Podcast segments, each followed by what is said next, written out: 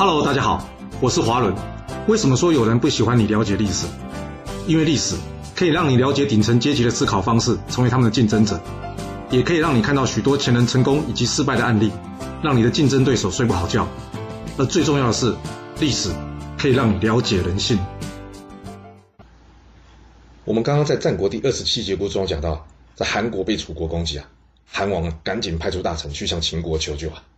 结果秦国是用什么态度来回应韩国的使者？秦国的态度就是啊，被打的是你，要我出兵，那就会变成我的损失哎，你还是自己好好撑着吧。哇，有没有这么没道义啊？其实国与国之间呢，就是这么没道义啊。那韩国要怎么办呢？没办法了，只好再派人去啊。不过。这次的使者张翠啊，却成功的说服了秦国出兵啊！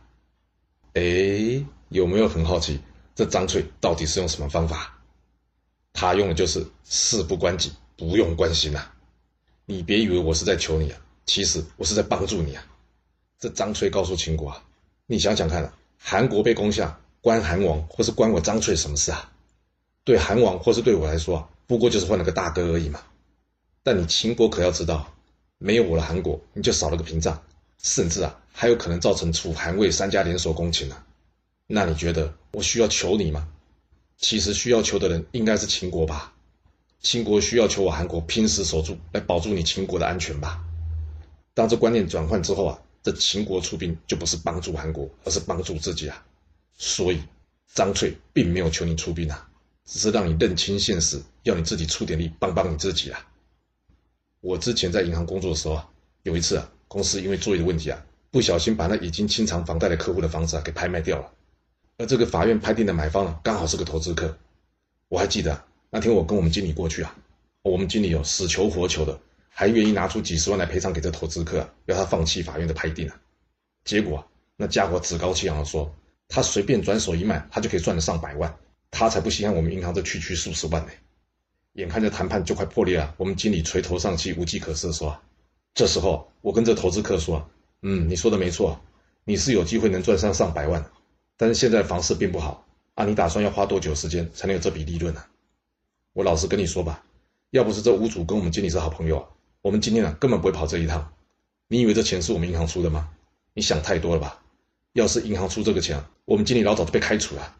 这是屋主自己拿出来的钱，因为我们经理已经问过法务了。”他要告我们是告不赢的，虽然他的贷款已经还完了，但是啊，他欠银行的执行费用还没有缴，也没有拿到我们银行债务结清的证明。我们银行在法院进行的拍卖流程啊，并没有任何瑕疵啊。这屋主就是知道这一点啊，才请我们经理帮忙的。你自己想一想，你是要等上半年、一年呢，才能赚到你所说的这一百万，还是只要一天，你什么钱都不用交，这口袋就可以进账几十万？你自己想清楚啊，这其实是给你赚钱的机会啊！你别搞错了，你以为我们是来求你的？反正还有好几天的时间，你可以慢慢想。